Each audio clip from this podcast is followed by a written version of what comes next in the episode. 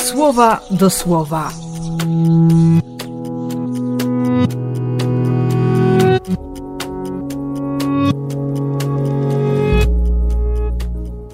Dwunasty grudnia, poniedziałek.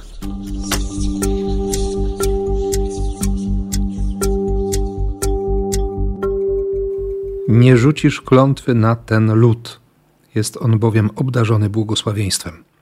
To było pierwsze słowo, które Bóg wypowiedział do Balaama w 22 rozdziale Księgi Liczb. Później ta droga i przygoda z oślicą, która tak naprawdę obnażyła serce Balaama i była zaproszeniem do posłuszeństwa, by widzieć to, czego inni nie widzą i by rzeczywiście być posłusznym Słowu Boga. Będziesz robił tylko to, co ci powiem. Uważaj, abyś mówił tylko to, co ja ci podpowiem. I potem te dwie pieśni błogosławieństwa w 23 rozdziale, każda z nich poprzedzona rozmową z Bogiem i pytaniem, co robić. Aż wreszcie do głowy i do serca tego proroka dociera, że właściwe było w oczach Pana błogosławić Izraelowi. I kolejne dwie pieśni błogosławieństwa.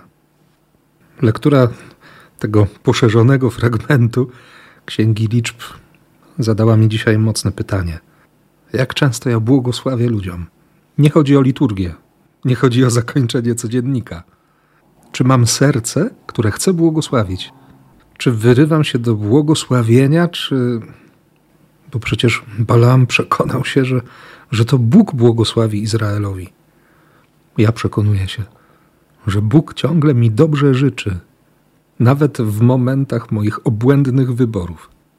I wiem, że naprawdę potrzebuję właśnie takiego serca. I proszę go dziś o takie serce i dla ciebie, i dla mnie. Serce, które nie boi się słyszeć, słuchać, czyli być posłusznym. Serce, które, które odpowiada miłością i miłosierdziem.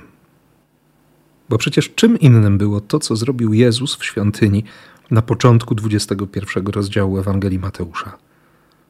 Mój dom będzie domem modlitwy, wy zaś czynicie z niego miejsce rozboju.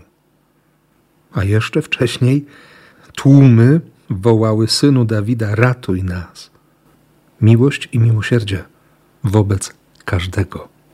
I ten uschnięty figowiec, symbol Izraela, z ciebie nie będzie żadnego pożytku. Hm.